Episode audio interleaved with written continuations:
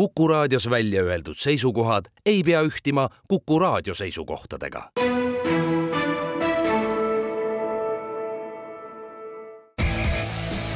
vutikohus.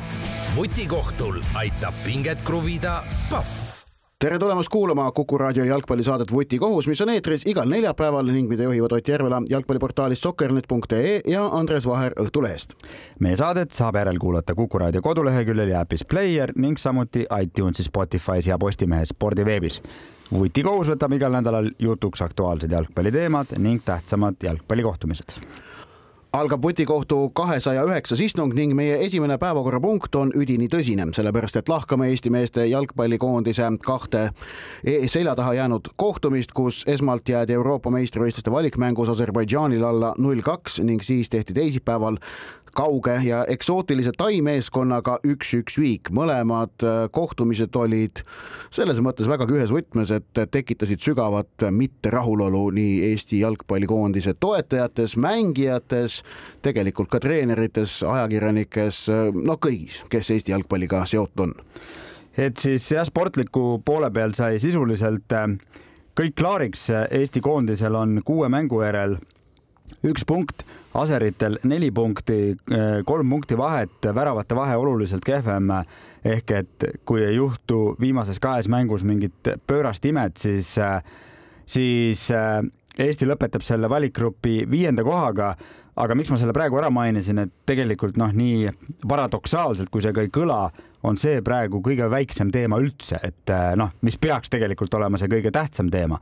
et, äh, et me oleme alagrupis, kuidas me lõpetame, palju me punkte saame, mis koha me saame ja nii edasi.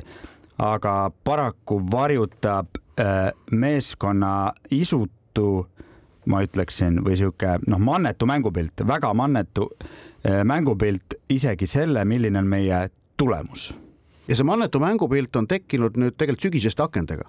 kui meenutame juunit, siis, siis tegelikult toona meeskonnale etteheiteid ei tehtud.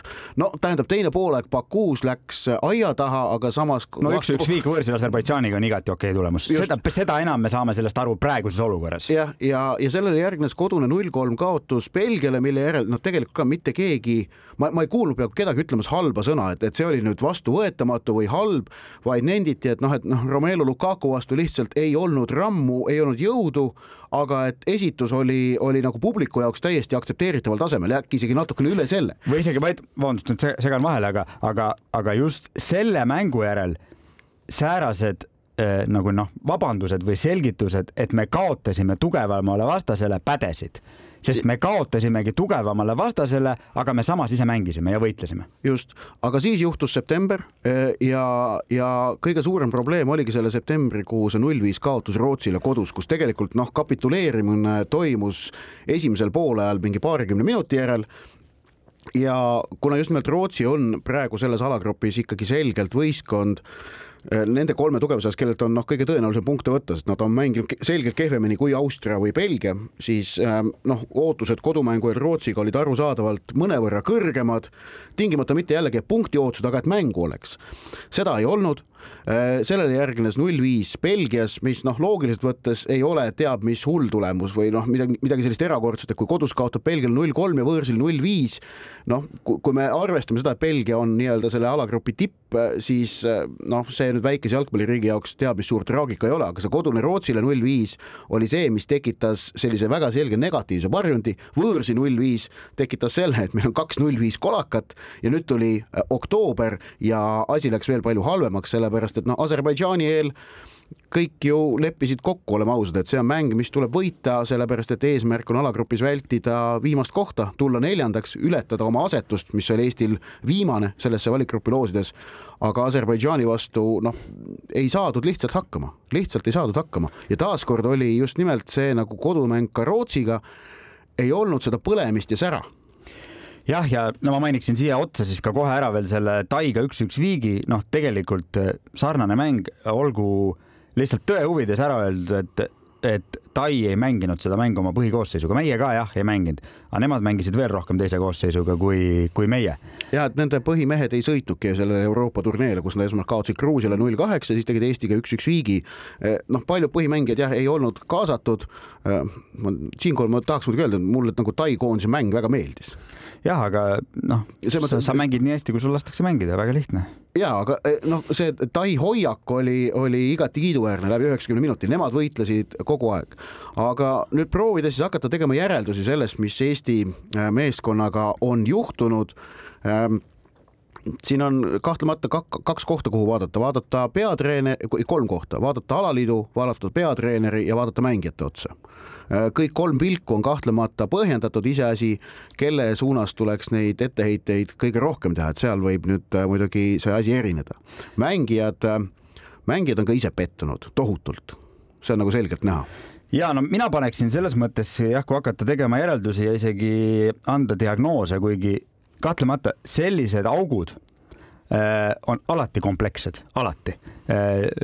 ei ole võimalik, et siin on mingi üks põhjus äh, sellistel, sellistel asjadel on alati väga palju põhjuseid ja et neid nii-öelda väliselt püüda hinnata objektiivselt ja asjalikult, eh, see on äärmiselt tänamatu ja keeruline asi, sest mina ei taha kindlasti laskuda sinna, ma leian, et eh, ma leian, et viimastel nädalatel on olnud ehm, natuke liiga palju emotsioone eh, avalikkuses, mitte, ma ei taha sellega üldsegi väita seda, et, et ei peaks kritiseerima, jah, on olnud väga palju asju, mida kritiseerida aga see tulv on kandnud kaasa väga palju soppa, ma ütleksin niimoodi, et, et ja ma jõuan sealt siis enda esimese järelduseni, et näiteks, kes praegu, just nimelt praegu selles kahe siis viimase valikmängu eel nõuab Toomas Häberli vallandamist, olen kategooriliselt vastu väga liht- ja, ja erinevate põhjendustega siis, üks siis muidugi kehv mängupilt, aga ka neid, kes äh, kes nõuavad seda tema ebaõnnestunud väljaütlemiste pärast, isegi kui ma olen nõus tähendab mitte kui, vaid ma olengi nõus. et need, väi, et need välja olidki, olidki ebaõnnestunud ehk et, et no,, et see, see on lihtsalt märk sellest, et, et peatreener ei kontrolli praegu ennast.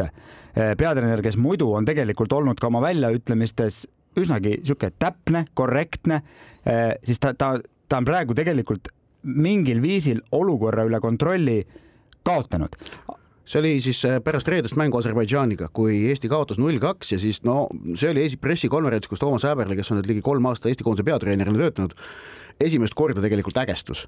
seni midagi säärast äh, Häberlil juhtunud ei ole ja, ja küsimus oli vist see, et kas kas Eesti, Eesti on koondis on kriisis? ja, ja selle peale no Häberli sõnum oli, mille ta andis edasi niimoodi nagu noh, e, ütleme PR katastroof see oli, onju, aga ta andis, tema sõnum oli tegelikult see, et tema meelest nagu ootused on liiga kõrged Eesti meeskonna suhtes, mis, mis tegelikult on ju peatreeneri vaat-, noh, kui peatreener nii arvab, siis, siis selles respekt talle, et ta selle välja ütleb, mis on keeruline, aga see, kuidas ta seda ütles, see oli probleem. see oli nagu jah, nagu siis ütleme avalikkust, noh, ma ei kasutaks praegu sõna meedia, sest, sest peatreener ei suhtestu kunagi meediaga, vaid ikka avalikkusega.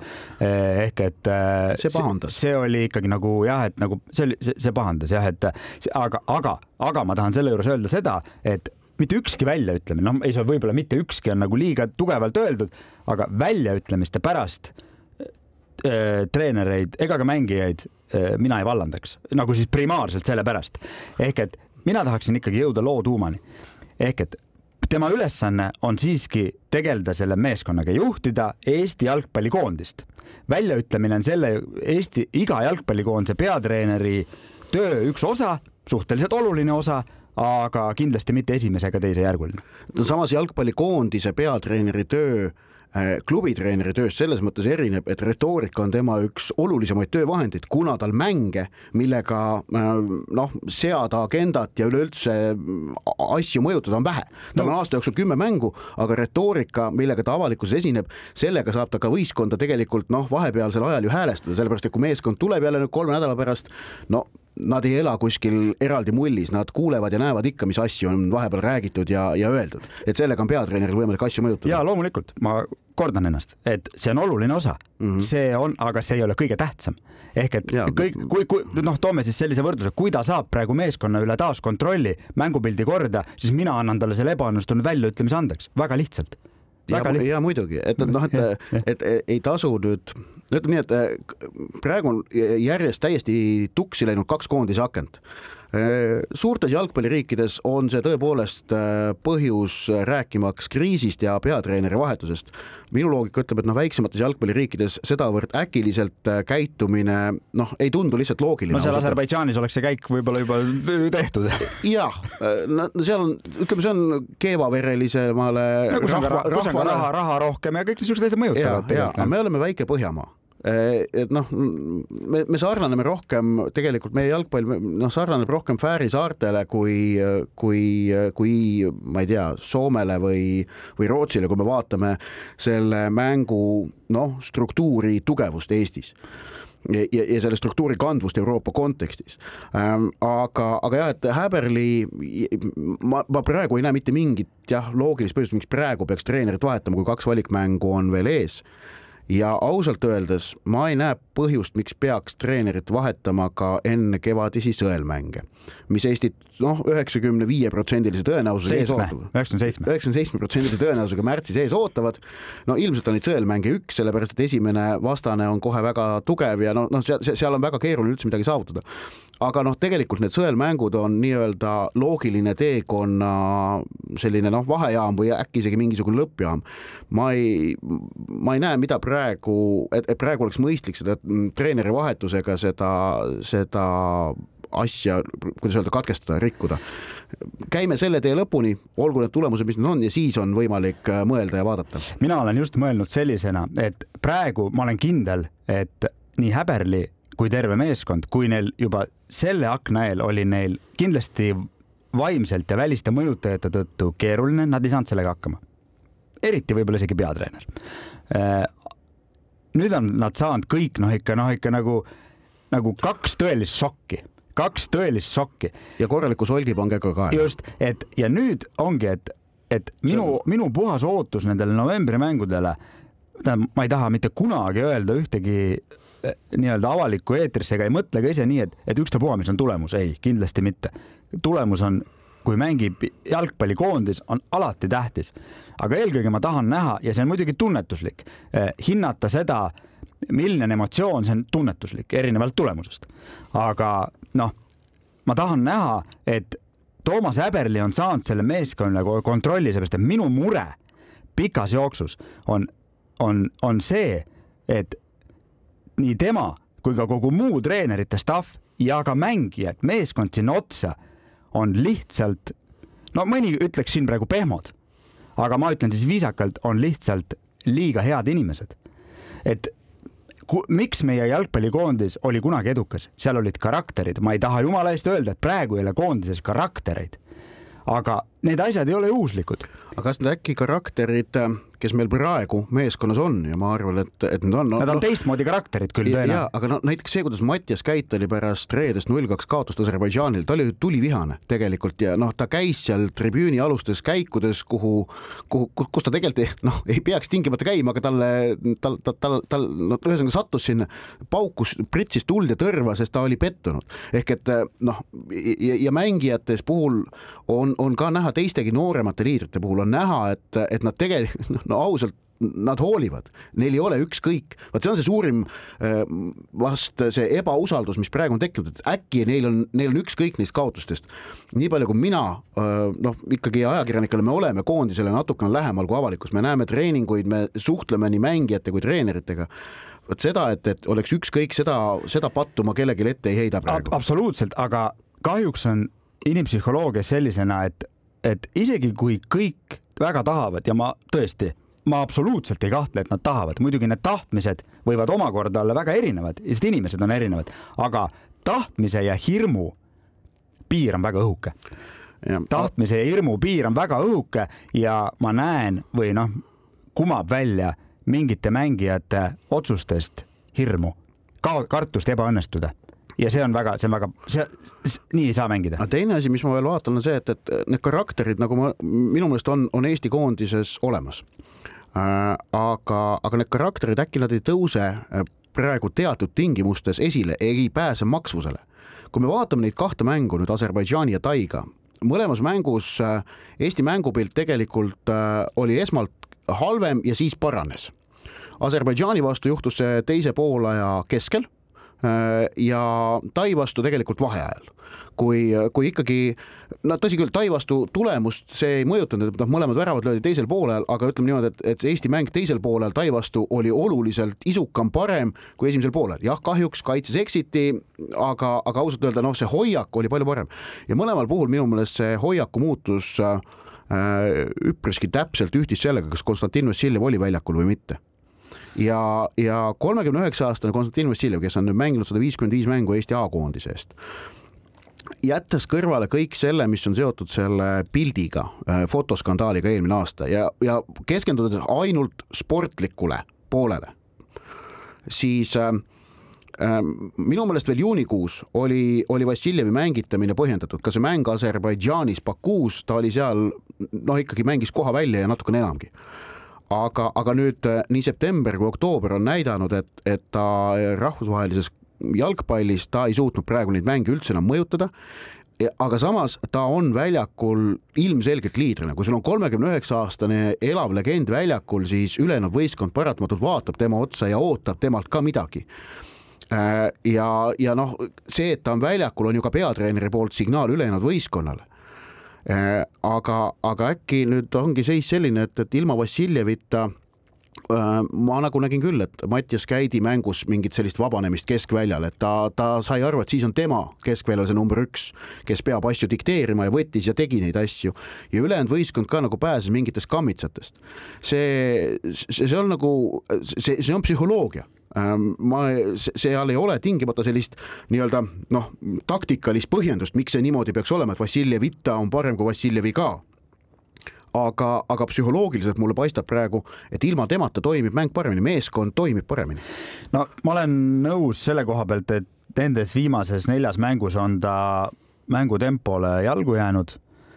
aga mis puudutab siis nüüd seda, et kuidas muu meeskond, ta muidugi, ta on meeskonna kapten ta on meeskonna kapten, jällegi jättes kõrvale kõik muu. kõik, kõik muud. aga nüüd on see küsimus, kas üle, kas, kas terve ülejäänud meeskond, äh, kuidas öelda, tunnetab, et ta on põhjendatult kapten ja vaata, kui, kui seal on mingisugune ebakõla no,, siis võib tekkida just nimelt ka ülejäänud, noh, tulevad liivaterad ülejäänud mängumootorisse. aga see nüüd ongi treeneri, see on täiesti puhas treeneri vastutus äh,. esiteks, noh Toomas Häberli on ju treener, kes, kellel on Vassiljevisse, no ma kasutaks väljendit pimeusk. ja see, ja, ja see, see on aus öelda. ja see on, ja see on ja see on tema valik, selles mõttes seda ei, ma isegi noh, pole põhjust treenerile, treeneril on otsused, treeneril on otsused ja valikud, tema teeb neid, see on tema õigus äh, ja kohustus. aga viimasel ajal on noh, vaat pimedas usus ja ülikonservatiivses lähenemises mingitele asjadele, teatud asjadele, ka mängujoonisele äh, ta on teinud oma valikud ja ta on nendes eksinud ta on nendes väga selgelt eksinud ja noh, kui me paneme siia kapteni rolli ja selle mõjutuse meeskonnale, mitte avalikkusele, meeskonnale eh, juurde, siis on see taaskord treeneri puhas vastutus ja nüüd ongi, et millised valikud äh, Häberli teeb. mina annan talle need kaks mängu, vaatame, mis ta teeb, kuidas ta käitub, kuidas meeskond reageerib, niisiis oma olemuselt mänguplaanilt, mängijate valikult, neid, neid aspekte, mida hinnata, vaadata, on väga palju. et mina annan talle need kaks mängu ja teeksin siis omapoolsed äh, uued järeldused äh, novembrikuu keskpaigas. ja aga no, vaatame, et äh, Vassiljevi, noh, kui Vassiljev ei mängi, et kas meil on keskpoolkaitsesse panna noh, mängijaid, kes. muidugi on, pole küsimustki. ja kes korvavad tema koha ja, ja just nimelt kuna see loovus, mille pärast Vassiljevit seni on põhikoosseisus hoidnud, ei pääse enam tema mängus äh, vähemalt koondise tasemel maksusele. Premium-liigas FC Flora ridades. vahetusmängijana koondises. olukord teine asi ja just nimelt ja Vassiljevi roll viimased kakskümmend minutit tulla väljakule, no see on hoopis teine roll ja ma arvan, sellest ta suudab ka rahvusvahelises koondise jalgpallis jätkuvalt kasulik olla.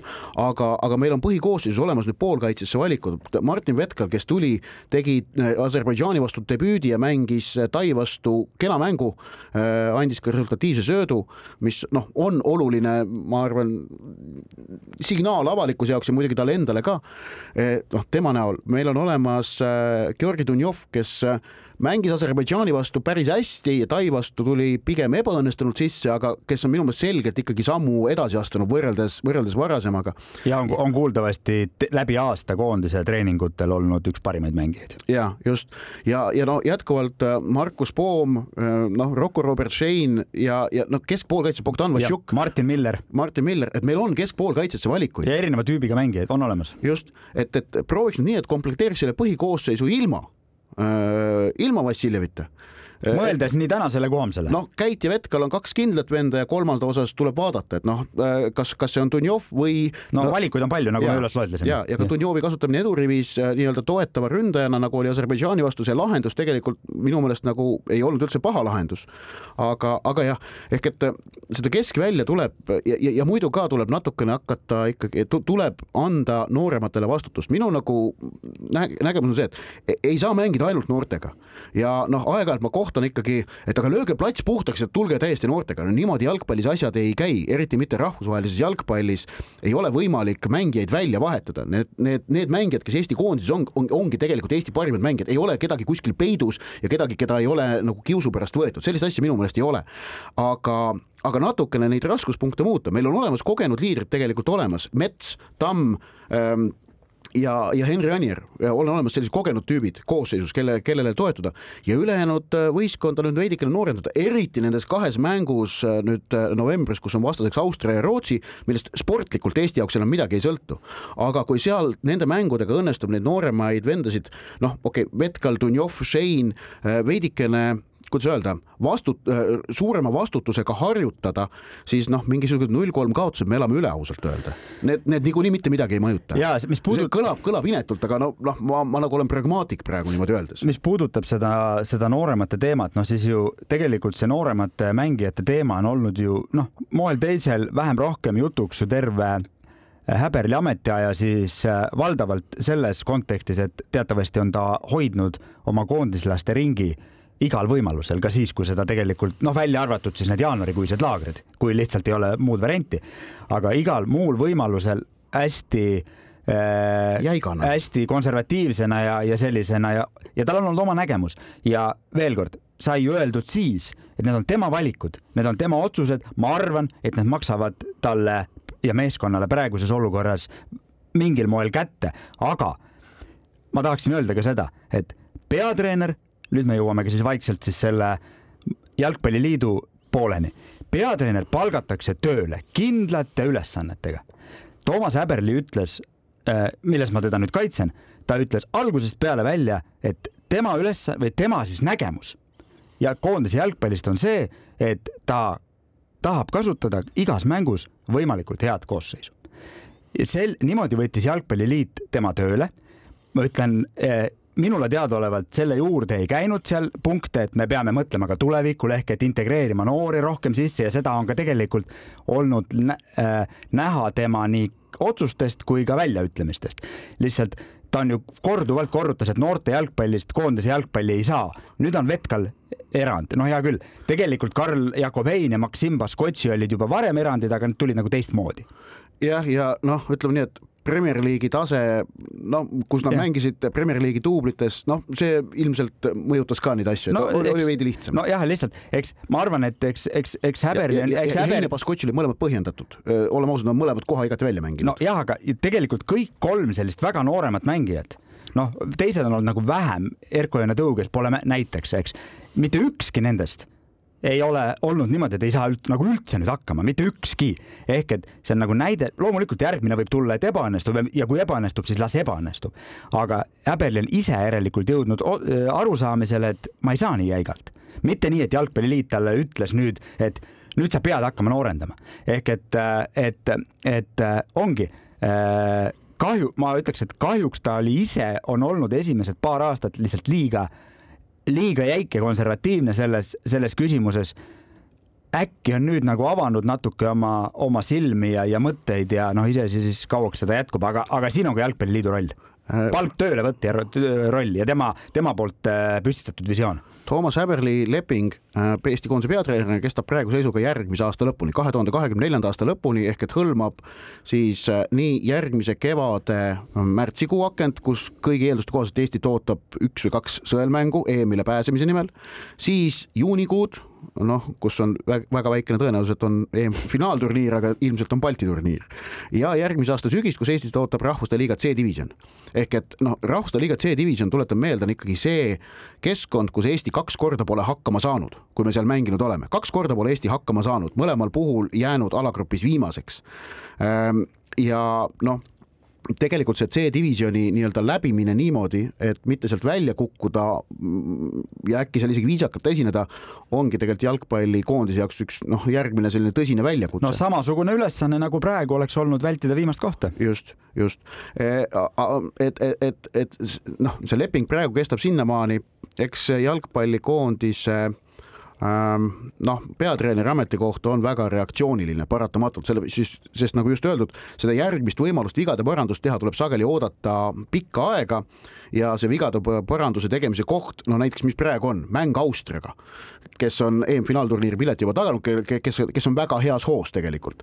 no proovis. no, no, no, no kaks mängu on sisuliselt, me võtame ja. need komplektina praegu, Austria-Rootsi. Austria-Rootsi just, no väga keerulise mängu, kus teha nii-öelda vigade parandust. ja, aga ongi. ja, teine asi see, et, et, isegi kui sealt nagu mingi tulemuse võtad välja, siis on väga lihtne kritiseerida, et aga noh, vastasel ei sõltunud enam midagi, mis, mis on ka tõsi. ei, ei, ei, no ei ole selles mõttes, et kui sa, kui sa nendest mängudest ikkagi võtad, võtad mingisuguse tulemuse ja mängid selle juures ka veel, noh, ma ei kujuta ette, et nendest mängudest on võimalik võtta tulemust nagu mängides halvasti, noh, ei ole võimalik lihtsalt, ei käi kokku no, ei käi kokku. ehk et äh, aga just, et, et, et sellel, et sellel meeskonnal oleks nägu, noh, see on, see on subjektiivne hinnang. ja ma tahan, et see nägu oleks see... noorem natukene. nojah, et ausalt siin..., Vassiljevit ma, Vassiljevi koht ei ole enam põhikoosseisus. mina, mina nagu, vot see on, noh, see on nagu nüüd meeskonna mina ikka nägin väga, jah, üks asi on siis nagu see mingi, mis on oluline, on duellides käitumine, emotsioon, tahe, aga ikkagi ikkagi ja nii, nii mängijate, osade mängijate väljaütlemistest kui ka, kui ka platsil nähtust.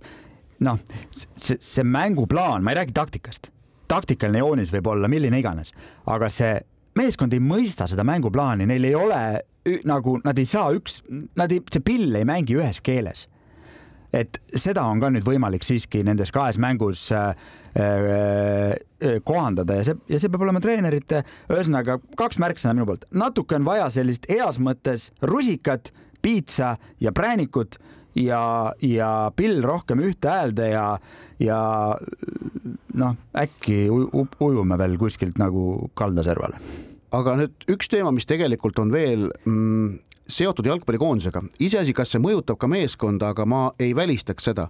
ehk et oleme ausad, Jalgpalliliit on viimased kuu aega olnud skandaalide rüppes, mis on olnud seotud Jalgpalliliidu väärtusruumiga. peame silmas siis viimased paar nädalat kogu see Venemaa U seitseteist koondise teema, Aivar Pohlaku esmane noh, väga ebamäärane jutt ja siis temalt lõpuks Jalgpalliliidu juhatuselt nii-öelda välja pressitud avaldus avalikkuse poolt et kas see kõik mõjutab ka jalgpallimeeskonda, sellepärast et ega jalgpallimeeskond ju teab, et nad esindavad seda jalgpalliliitu äh,. iga koondise mängu järel, olgu tulemus milline iganes, meeskond ja alaliidu juhatus ju saavad kokku, kus ka president Aivar Pohlak peab võistkonnale nii-öelda noh, võtab selle mängu kokku, peab kõne. Äh, see on üks rituaal, mis Eesti koondise juurde käib ehk et eh, noh, nad, nad väga selgelt saavad ju aru ka, et, et see on jalgpalliliit, keda nad esindavad. kas ka seal võib mingisugune ebakõla olla, see on, see on nüüd kahtlemata ka asi, mida, millele tasub tähelepanu pöörata, mängijatel ei jäänud märkamata need plakatid, mis olid tribüünil. esiteks piinlik Eesti Jalgpalliliit ja teine Pohlak, aeg on minna sellised plakatid olid mängudel tribüünil. Tõsi, ma siinkohal nüüd ütlen, et Euroopas minu meelest jalgpalliliidud, kes sellised plakatid lubavad tribüünile jätta, on selges vähemuses ja mul on hea meel, et Eesti Jalgpalliliit selle vähemuse sekka kuulub, kes lubab need plakatid sinna. seekord lubas, on ka olnud juhtumeid, kui pole lubatud. ja, aga praegu lubas ja, ja selle eest nagu noh, on aus öelda, et, et, et see oli nagu noh, võeti vastu see, mis neile tuli ja et noh, kindlasti see mõjutab mängijaid noh, jällegi küsimus on siis, ma arvan, individuaalne, keda, kuidas ja mil moel, alateadlikult kindlasti vähim, mis ta teeb, on see, et ta suurendab niigi sinu ümber olevat negatiivset fooni. Ja nüüd ongi lihtsalt küsimus, kui palju siis meeskond tervikuna või siis iga indiviid eraldi selle sees, kuidas ja kui palju laseb ennast mõjutada, aga kahtlemata see mõjutab. Vutikohus. vutikohtul aitab pinget kruvida Pahv vutikohtu kahesaja üheksas istung jätkub ning kuna Eesti jalgpallikoondise tegemistest rääkisime väga pikalt ja enda jaoks noh, see teema nii mulle kui Andresele väga südamelähedane on, siis, siis meil ülejäänud saatele jäi nüüd mõnevõrra vähem aega, aga seekord siis niimoodi. aga räägime kahe sõnaga ka sellest, mis juhtus ülejäänud Euroopa meistrivõistluste valiksarja kohtumistes, mis vahepeal on juhtunud ning vaatame natukene ka Lõuna-Ameerikasse, mis on jätkuvalt ikkagi maailma jalgpalli teine selline tulipunkt, kus mängitakse väga kõrgel tasemel. esimene, sest sealt tuleb maailmameister no praegu võib isegi niimoodi öelda ja, aga äh, Euroopa meistrivõistluste valiksarjas juhtus siis äh, möödunud nädala jooksul niimoodi, et koha Euroopa meistrivõistluste finaalturniiril, mis järgmisel suvel mängitakse Saksamaal, kus võõrustaja on juba koha taganud, tagasid veel kaheksa võistkonda. Need on Belgia, Prantsusmaa, Portugal, Hispaania, Šotimaa, Türgi, Austria ja Inglismaa Neist kaheksast kaks on sellised, kelle kohta valikturniiri eel eh, võis öelda, et noh, et, et, et kui no, et neid ei olnud tingimata põhjust sinna edasipääsejate sekka panna, need on Šotimaa ja Türgi ja eh, no Šotimaa rohkem ütleks, kuigi ja eriti vaadates seda alagruppi ehk et siis Hispaania, Šotimaa, Norra, Gruusia, Küpros eh,. No, ja Šoti tuli sealt au uhkelt läbi. nojah, et, et Norral nagu pikas jooksus polnud nagu šanssigi, kes ma arvan, ikkagi oli enne no. alagrupi turniiri algust arvati pretendendiks number kaks Ja. siiski, siiski, aga Türgi on, noh, Türgi on ju meile kaugem riik, on ju, erinevalt näiteks Norrast või ka Šotimaast, et me ei jälgi võib-olla nende koondist sellise, aga see, kuidas Türgi mängib praegu, nemad tegid, ma ütleks, väga õnnestunud treenerirükke, Vincenzo Montella, itaallane, neil on mängus kord süsteem, samas emotsioon, mis peab nende jalgpalliga kaasas käima, need meil, viimased just, mängud on olnud superhead, superhead me,. meenutame, kuidas Türgi jõudis kaks tuhat kaks MM-il äh, poolfinaali ja võitis pronksmedali just nimelt nad mängisid tegelikult väga emotsionaalset jalgpalli. ja aga just nimelt sama asi, oli kord toona ka väljakul olemas, et nad, nad, nad suutsid seda kahte asja kombineerida. pärast seda Türgil tegelikult enam sellist täistabamust, no isegi mitte ühtegi korralikku õnnestumist olnud ei ole. kaks tuhat kaheksa EM-il jah, jõuti veel poolfinaali, sorry, aga, aga seejärel noh, Türgi jalgpall on tegelikult ikkagi allpool ootusi lennanud, koondis on mitmel puhul jäänud finaalturniirilt üldse kõrvale, MM-il pole ju mängitud mitu korda järjest, aga nüüd mindi väl, läbi valikgrupist, kus olid ees noh, Horvaatia, MM pronks, no absoluutne ikkagi tippkoondis ja Wales, kes on tegelikult ikkagi viimastel aastatel pigem mänginud hästi, aga Türgi on sealt valikgrupist nüüd läbi. Wales ja Horvaatia selgitavad, kes läheb teisena edasi. et, et seal on, on põnev. vaatasin jah, seda siis seda Horvaatia-Türgi mängu, siis Horvaatias mäng peeti ja mul oli väga väga sügava mulje jättis see Türgi meeskond üks-null, nad selle mängu võitsid, nad kontrollisid seda mängu võõrsil Horvaatia vastu. mängus, kus mõlemal oli. väga keeruline. no Horvaatia polnud kodus kaotanud, ma ei tea, kui kaua, kaua nagu väga-väga-väga pikka aega, et, et see oli, see oli noh, me ei ole ju üldiselt nende lõunamaalaste fännid siin, aga lihtsalt vaadates lihtsalt seda meeskonda, väga sügava mulje jättis väga suure tõenäosusega tagab EM-finaalturniirile koha ka Albaania, kui nad suudavad alistada koduväljakul Fääri saared, siis on neil tegelikult koht kindel, mis tähendab, et Tšehhi ja Poola, emb-kumb neist otsepääset ei saa ja teine läheb äh, sõelmängudele, kus siis on võimalik, et nende vastaseks on Eesti koondis. Äh, aga Albaania noh, ka näitab seda jällegi, ma arvan, nende esiletõus, et, et kuivõrd ühtlane see Euroopa koondise jalgpallitase ikkagi on, et seal kolmandast kümnest või isegi neljanda kümne algusest tõusta nii-öelda pingereas kahekümne parema sekka sekka ei ole teab mis võimatu, et need tasemevahed on väikesed ja Tšehhi või Poola, kes on mõlemad väga ikkagi ju noh, stabiilsed jalgpalliriigid.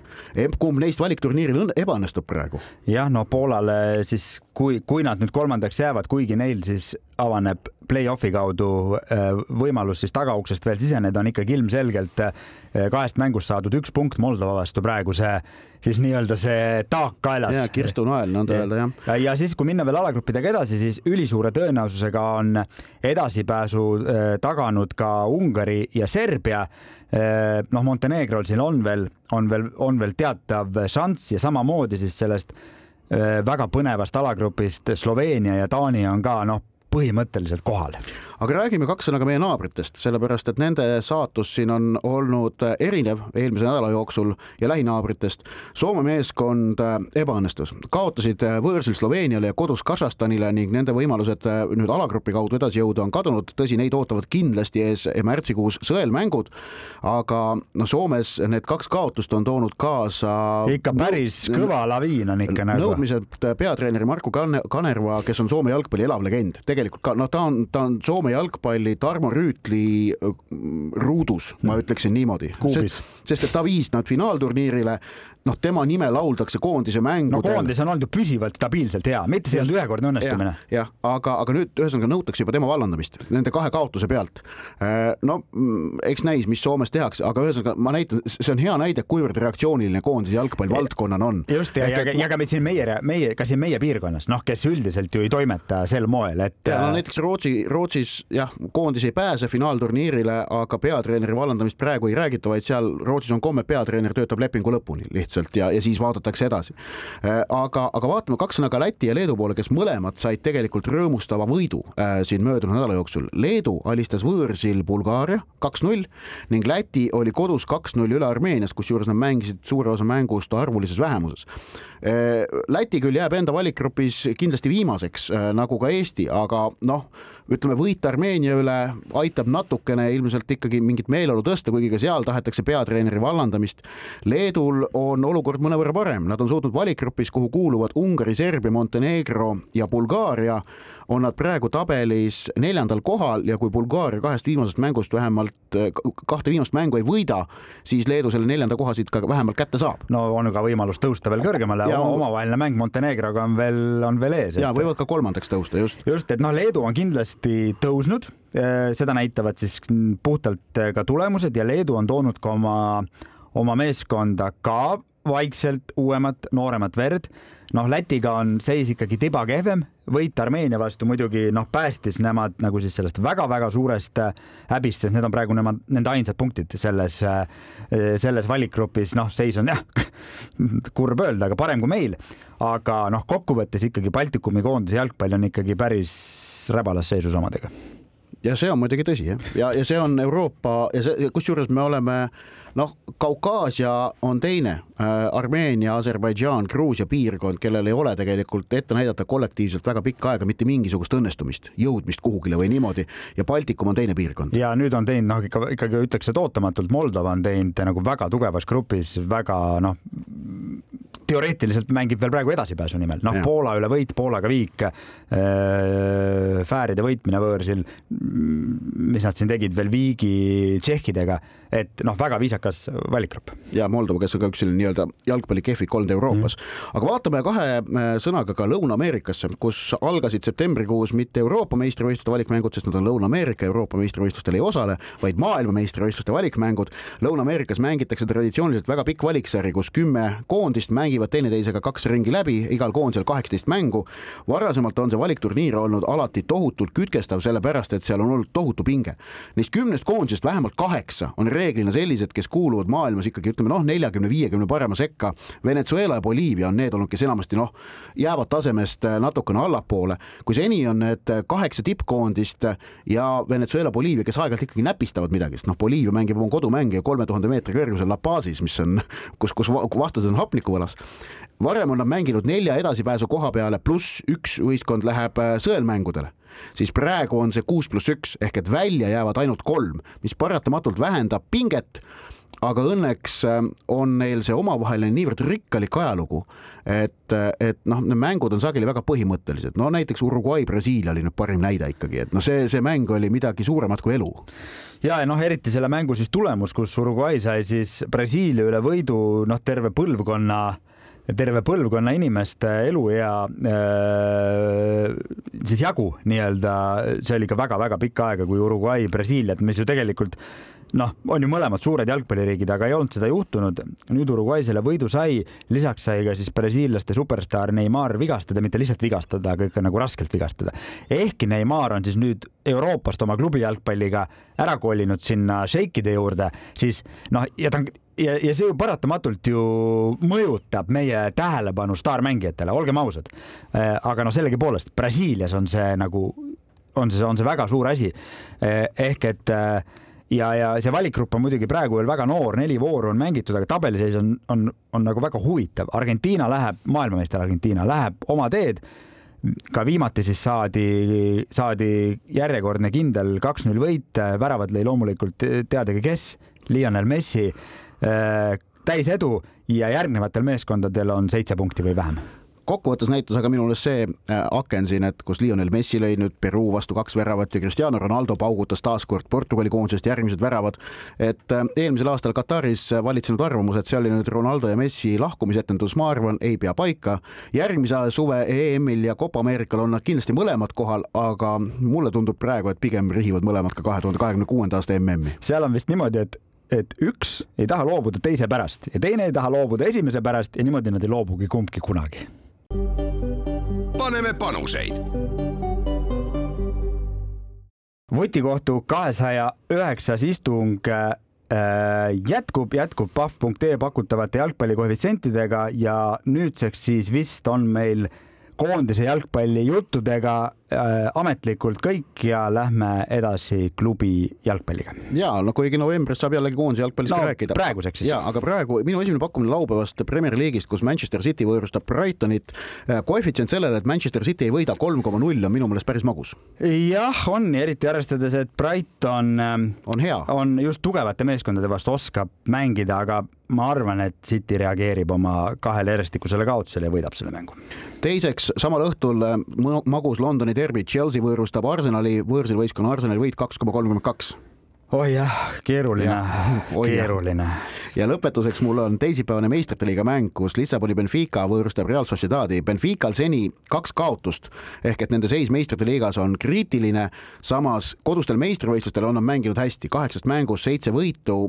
Benfica, ma arvan, et, et kodus Sociedadi vastu kaks koma üks võidu koefitsient, see tundub mulle päris hea. vähe, Sociedad on hea vähe. nii, mis ise pakud? ise pakun siis äh, mm, kolme mängu erinevast äh, õhtust, esmalt siis äh, homme õhtu Bundesliga Saksamaalt Dortmundi Borussia ja Bremeni Werder.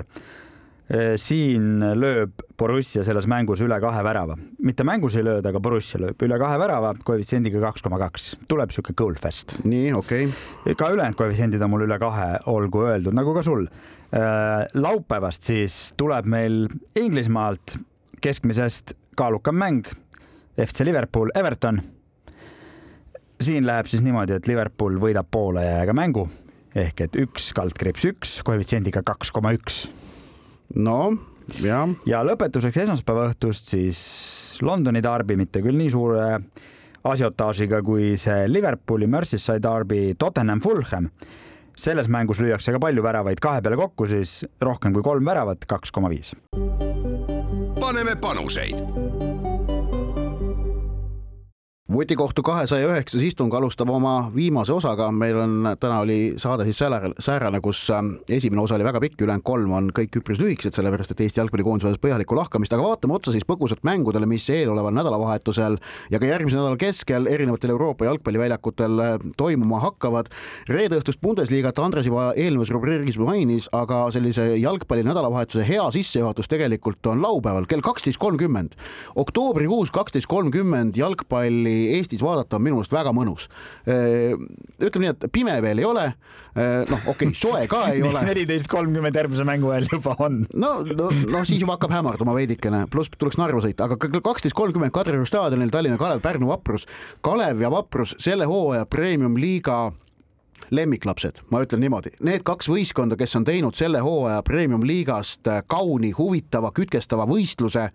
selge on see, et see omavahelise mängu panused on suured, see, kes võidab, selle šansid Euroopasse pääseda, ma ütleks niimoodi, säilivad see, kes kaotab, sellel need ikkagi muutuvad äh, oluliselt väiksemaks. eriti kui kaotaja peaks olema Kalev, kellel on kolm punkti vähem. just äh,, aga, aga see on, ma ütleks jah, et see on see kahe lemmiklapse, ma arvan, sellise Eesti jalgpalli üldsuse lemmiklapse selle hooaja oma äh, kokkuminek ning ning no, no, selle taustal ma tahaks tuua välja ka ühe asja, mis mulle siin keegi, mulle mainiti, et et neetult kahju on, et jalgpallis need lokkavad skandaalid, mis meil Eesti jalgpallis on olnud, varjutavad premium-liigat, mis tegelikult on olnud äh, aegade üks huvitavamaid sel hooajal ja et see tähelepanu premium-liigale seetõttu on olnud sedavõrd äh, noh, võiks öelda äkki isegi pealiskaudne, kuna on jalgpallis akuutsemaid teemasid. ja oli ka tegelikult märgata, see oli muidugi ütleme tunnetuslik, aga et ka septembrikuu nende kurbade koond-, noh, kurbade, nüüd ütlesin hästi leebelt, koondise mängude järel tegelikult huvi, mis väljendus ka publiku num-, hulgas premium-liiga mängudel, hea küll, seal oli veel mõjutajaid, ilm oli mingites asjaoludes, aga see mõjutas ja see mõjutab ja kahjuks midagi ei ole teha, see mõjutab, see, sellest on kahju, aga nii on, aga ei, sellegipoolest, kes vähegi saab, jaksab ja tahab, Tallinna Kalev, Pärnu Vaprus laupäeval kaksteist kolmkümmend, minge vaadake. Need, need, need kaks meeskonda väärivad seda tunnustust ja toetust. Igatepidi, nad on väga vinge hooaja teinud juba praegu. ja siis laupäev läheb meil jalgpallis edasi, mida keegi soovib, siis Merseyside Derby äh, meie aja järgi neliteist kolmkümmend, Liverpool, Everton, samal ajal siis jah, Narvas, Narva Trans, Nõmme Kalju, Inglismaal äh, kell viis Manchester City, Brighton või siis Eestist äh, Tallinna Levadia, Tartu Tammeka kes soovib, võib reisida kiirkorras äh, Türki, kelle jalgpallist meil juba oli juttu. Olen kindel, ei kahetse Istanbuli Galatasaray Besiktas. aga sinna mängule lihtsalt on piletid ilmselt võimatu no, saada. aga tegelikult see oleks ka vinge elamus staadioni kõrval. no ju vist ja, ja laupäeva õhtul ka Chelsea Arsenal, samuti Sevilla Madridi Real. pühapäeval vast keskseim mäng on õhtune AC Milan Torino Juventus, mis, mis tundub ahvatlev ning siis juba uus nädal ja teisipäeval, kolmapäeval meistrite liiga alagrupi turniiri kolmanda vooru kohtumised Manchester United, kes on kaotanud mõlemad mängud võõrsil Müncheni Bayernile, kodus Galatasaray'le, mängib teisipäeva õhtul kodus Kopenhaageniga, totaalne sundvõidu olukord ja Arsenal, kes ka ju tegelikult viimati kaotas ikkagi Lansile üllatuslikult, mängib võõrsil Sevillaga.